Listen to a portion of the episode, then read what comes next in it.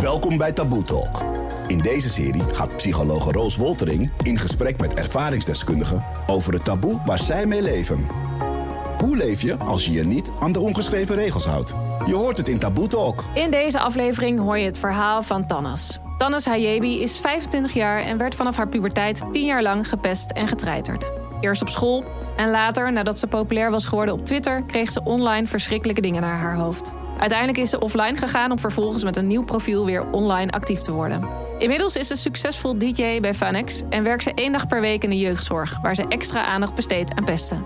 Ze is te zien op YouTube in een special over pesten. Ja, het was stom. Het was zo erg vanzelfsprekend geworden dat ik dacht: even kijken wat er vandaag nou weer staat over hoe lelijk ik wel niet ben.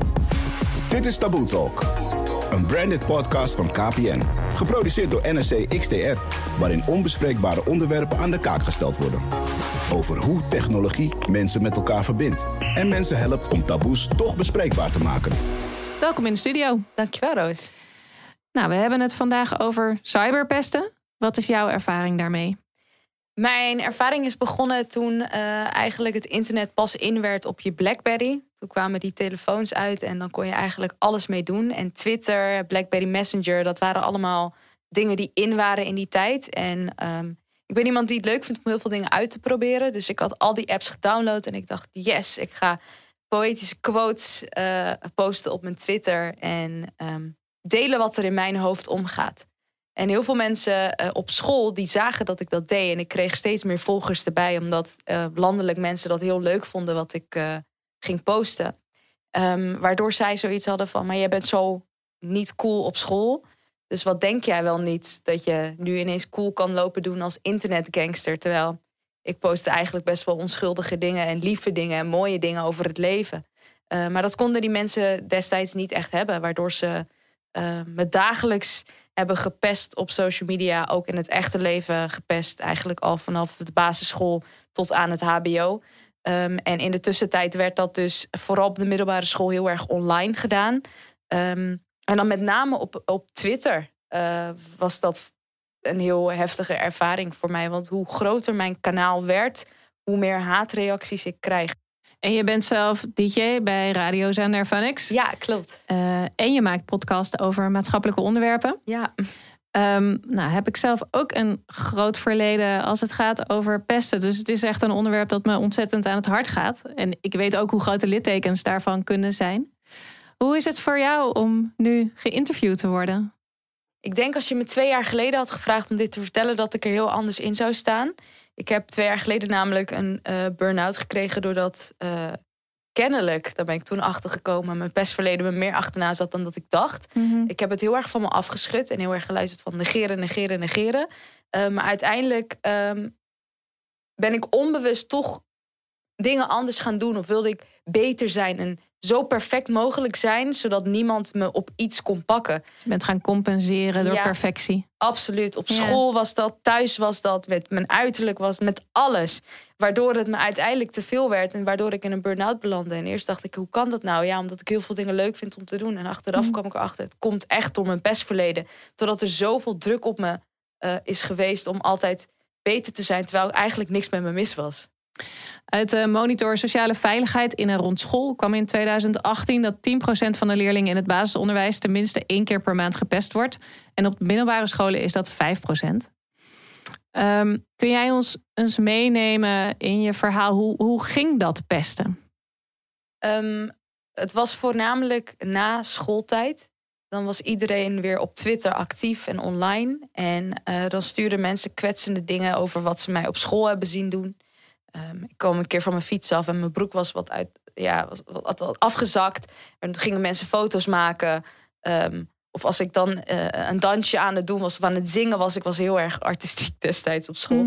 Gingen ze dat ook eh, vastleggen? Of gingen ze achter, me achterna naar huis om, om dingen naar mijn huis toe te gooien? Het was echt gewoon ehm, heel raar. Het was ook voornamelijk met mijn, had met, met mijn uiterlijk te maken. Dat ik dagelijks ook berichten kreeg van... ik hoop dat je slecht wakker wordt. En ik hoop eh, dat je een rotdag zult hebben. Stomme kraai, dat kwam door mijn neus. Ik heb best wel een, een Griekse neus. Ik ben niet Grieks, maar toch wat gekregen van de Grieken.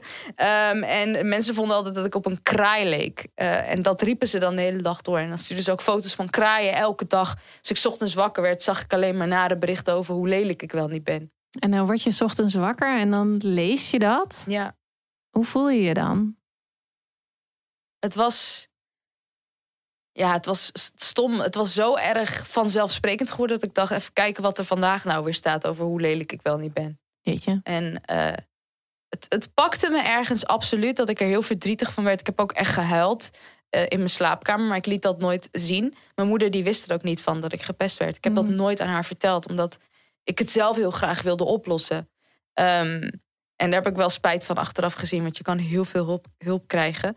Ehm, maar het, het deed me wel wat. Maar ik probeerde toch om verder te gaan. En toch te laten zien wie ik wel ben. Ik vond zingen heel erg leuk. Vond vloggen heel erg leuk. Ik vond het leuk om gewoon daar te zijn. En ik stopte daar niet mee. Omdat ik dacht, ja, jullie kunnen me wel haten. Maar ik wil gewoon mijn ding kunnen doen. Ja, dus je was aan de ene kant maakte het je heel kwetsbaar. Maar er kwam ook een soort van overlevingsdrang in je. Ja, absoluut. Daarboven, ik zal jullie wel eens even laten zien. Ja, ja, wel op een positieve manier. Ik uh, probeerde altijd om niet... Nou ja, heel soms heb ik wel teruggescholden. Maar uh, ik probeerde wel vaak om dat niet te doen. En juist te laten horen... Ik was heel jong toen. Dat ik gewoon echt met quotes en motiverende teksten kwam. Dat ze echt dachten, hou gooi je mond dicht en scheld ons uit. Dat is zelfs een keer tegen mij gezegd toen. Dat ik zei, nee, maar ik wil me niet verlagen naar jouw niveau. Hmm.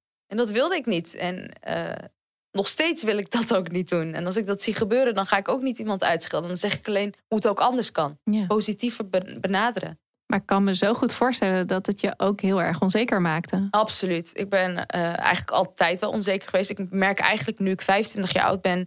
Uh, dat ik nu pas eigenlijk in een fase in mijn leven terecht aan het komen ben... dat ik minder onzeker aan het worden ben. En dat komt omdat ik nu aan het veranderen ben voor mezelf.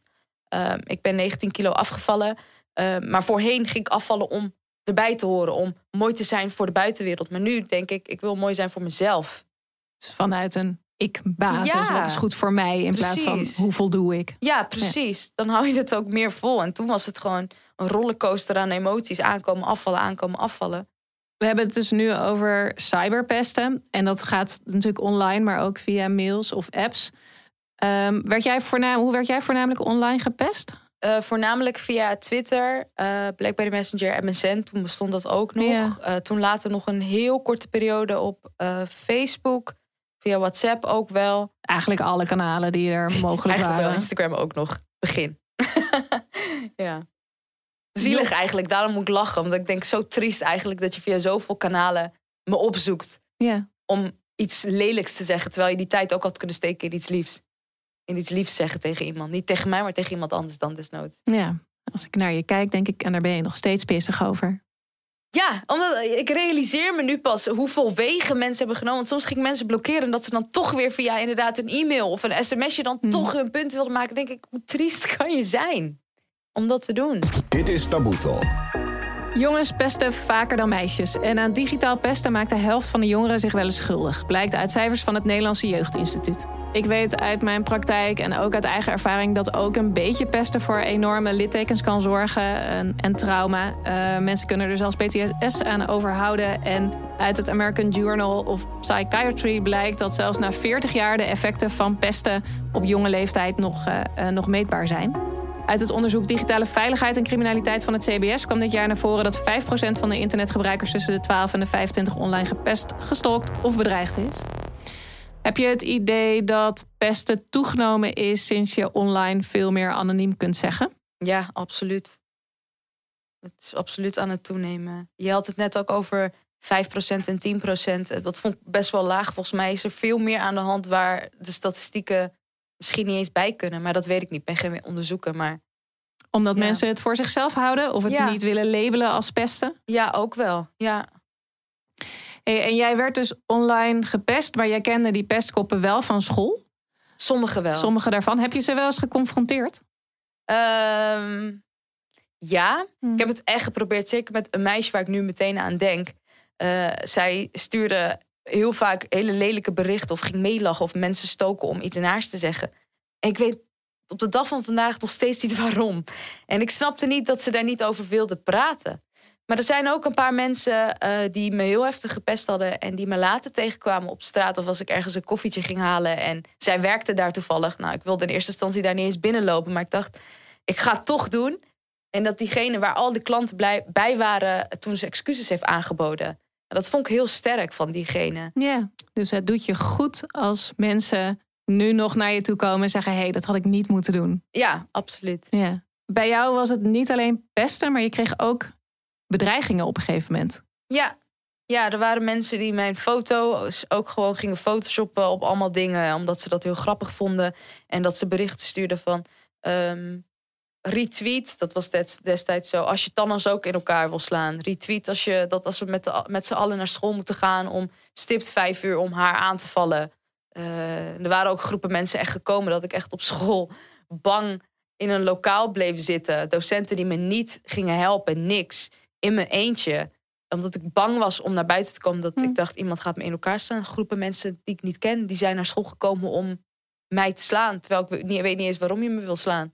Wat een angstige situatie. Ja, het was heel angstig. Ja. Zeker omdat ik er heel alleen voor stond. En ik snap misschien als iemand dit hoort, ja, je hebt het niet verteld, dat klopt. Maar er waren wel vrienden die het wel wisten, die het zagen op social media. Maar die mensen durfden niet om mee te helpen, omdat ze bang waren dat zij ook gepest zouden worden. Maar online werd er wel uh, heel vaak uh, dat mensen het voor me gingen opnemen.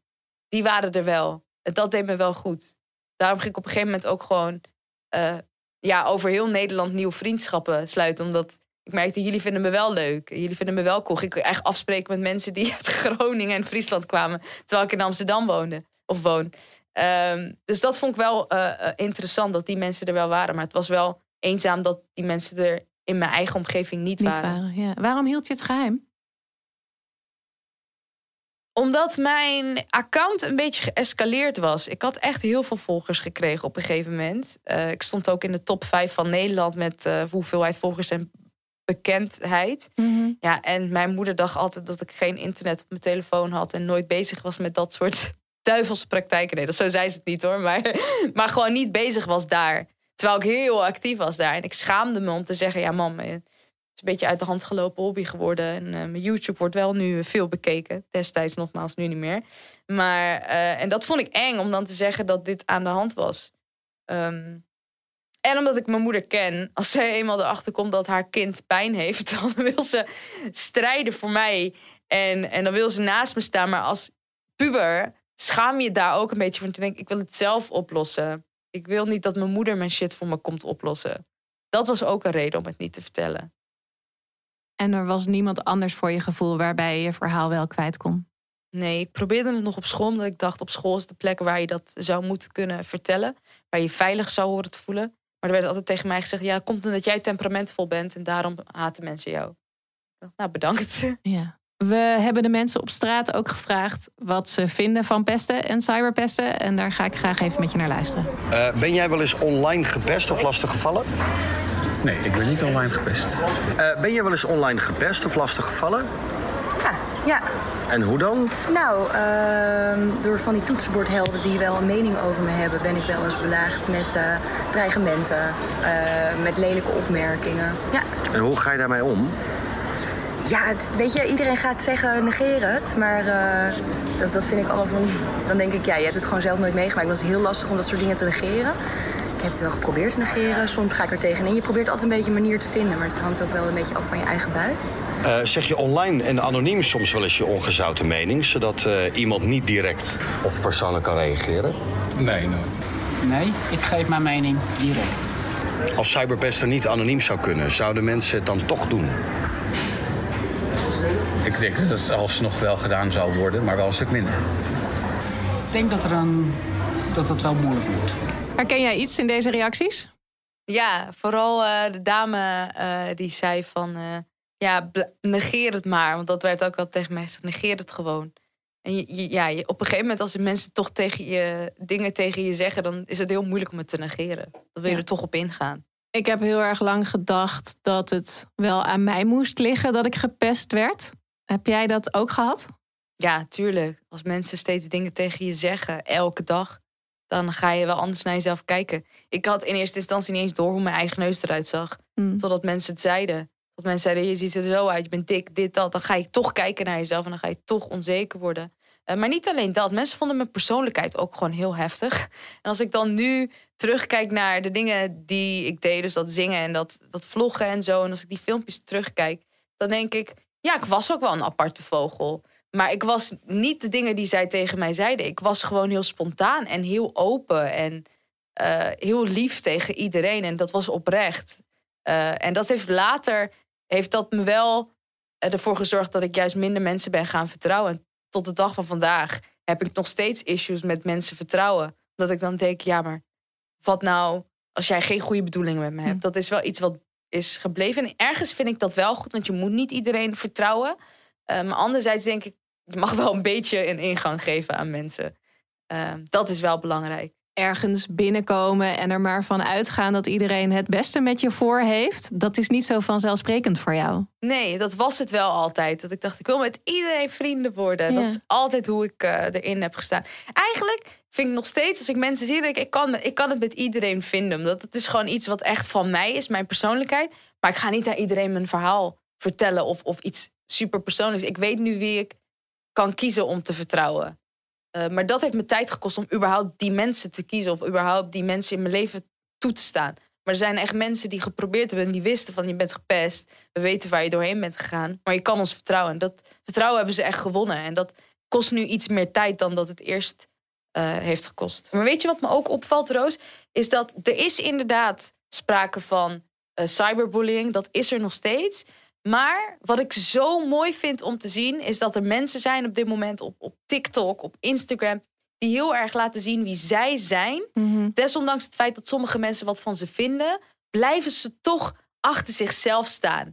En daar heb ik zo ontzettend veel respect voor, dat die mensen er zijn. Dan denk ik, ik probeerde dat toen ook, maar dat was zo'n eenzaam wereld. Maar om nu te zien dat mensen samenkomen om dat ook neer te zetten, daar ben ik zo ontzettend trots op. Terwijl ik al die mensen niet ken, mhm. maar toch ben je trots op ze. Dat ze toch doorgaan. Dat ze toch zeggen: Dit is wie ik ben. Vind je het niet leuk? Dag. Dit is Taboe Talk. Kom je nu ook weer in aanraking met pesten door je werk als jeugdprofessional? Um, met kinderen die uh, gepest worden, inderdaad. Ja, dat is wel een, uh, een hot topic nog steeds. Mm -hmm. Heel jong ook nu. Het wordt steeds, leeftijden worden steeds jonger. Um, en aan die kinderen leer je inderdaad niet het negeren. Uh, tuurlijk, ergens wel bedoel, je moet niet mensen in elkaar geslaan, want dan word jij gezien als de boeman. Maar wel het stukje, jij mag er wezen en werken aan, aan, aan het feit, aan je zelfbeeld.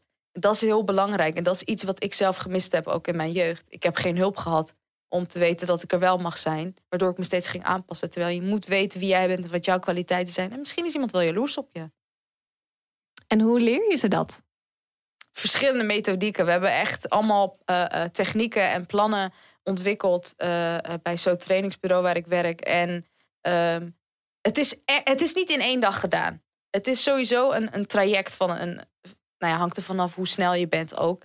Uh, maar we nemen wel echt de tijd voor die jongeren om, om hun verhaal te horen. Ik ehm, ben hier januari begonnen en dat kind waar ik het over vertelde het me nu pas.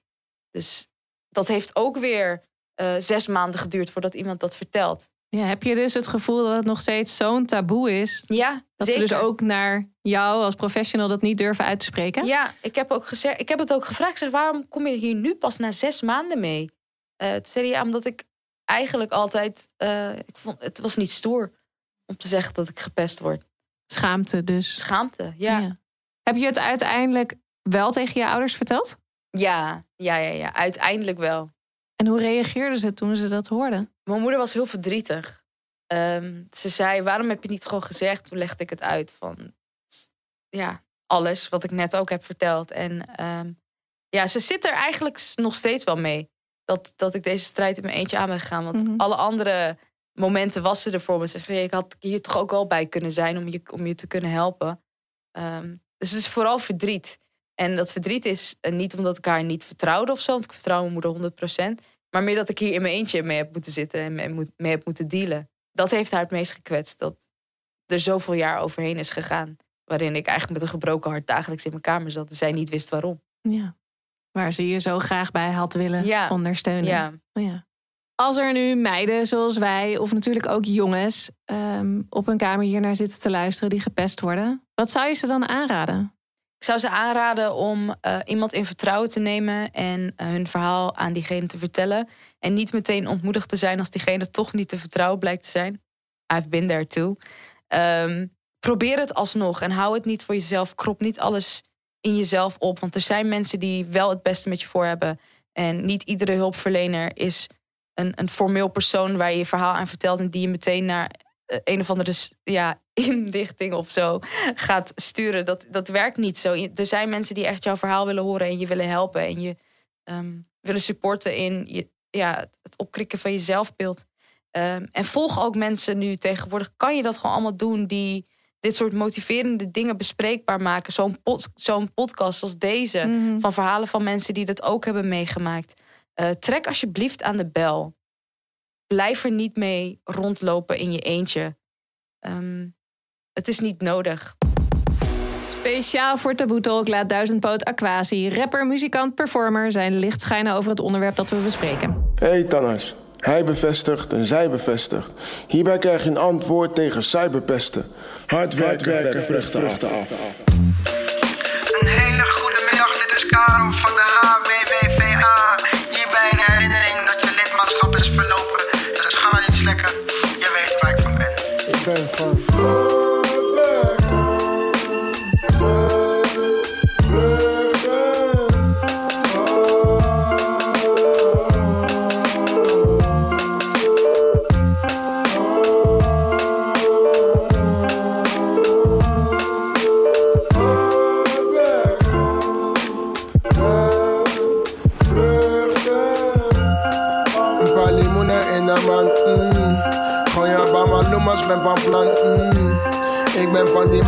En banaan. Mm. Gooi een ananas uit en.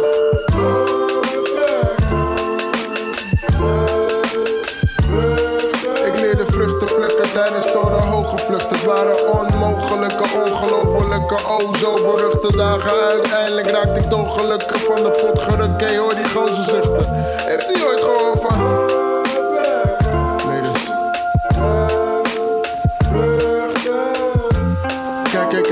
in mijn hand. Mm.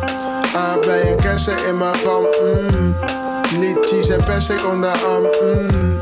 Peren en bosbessen op mijn pan. Mm. vruchten.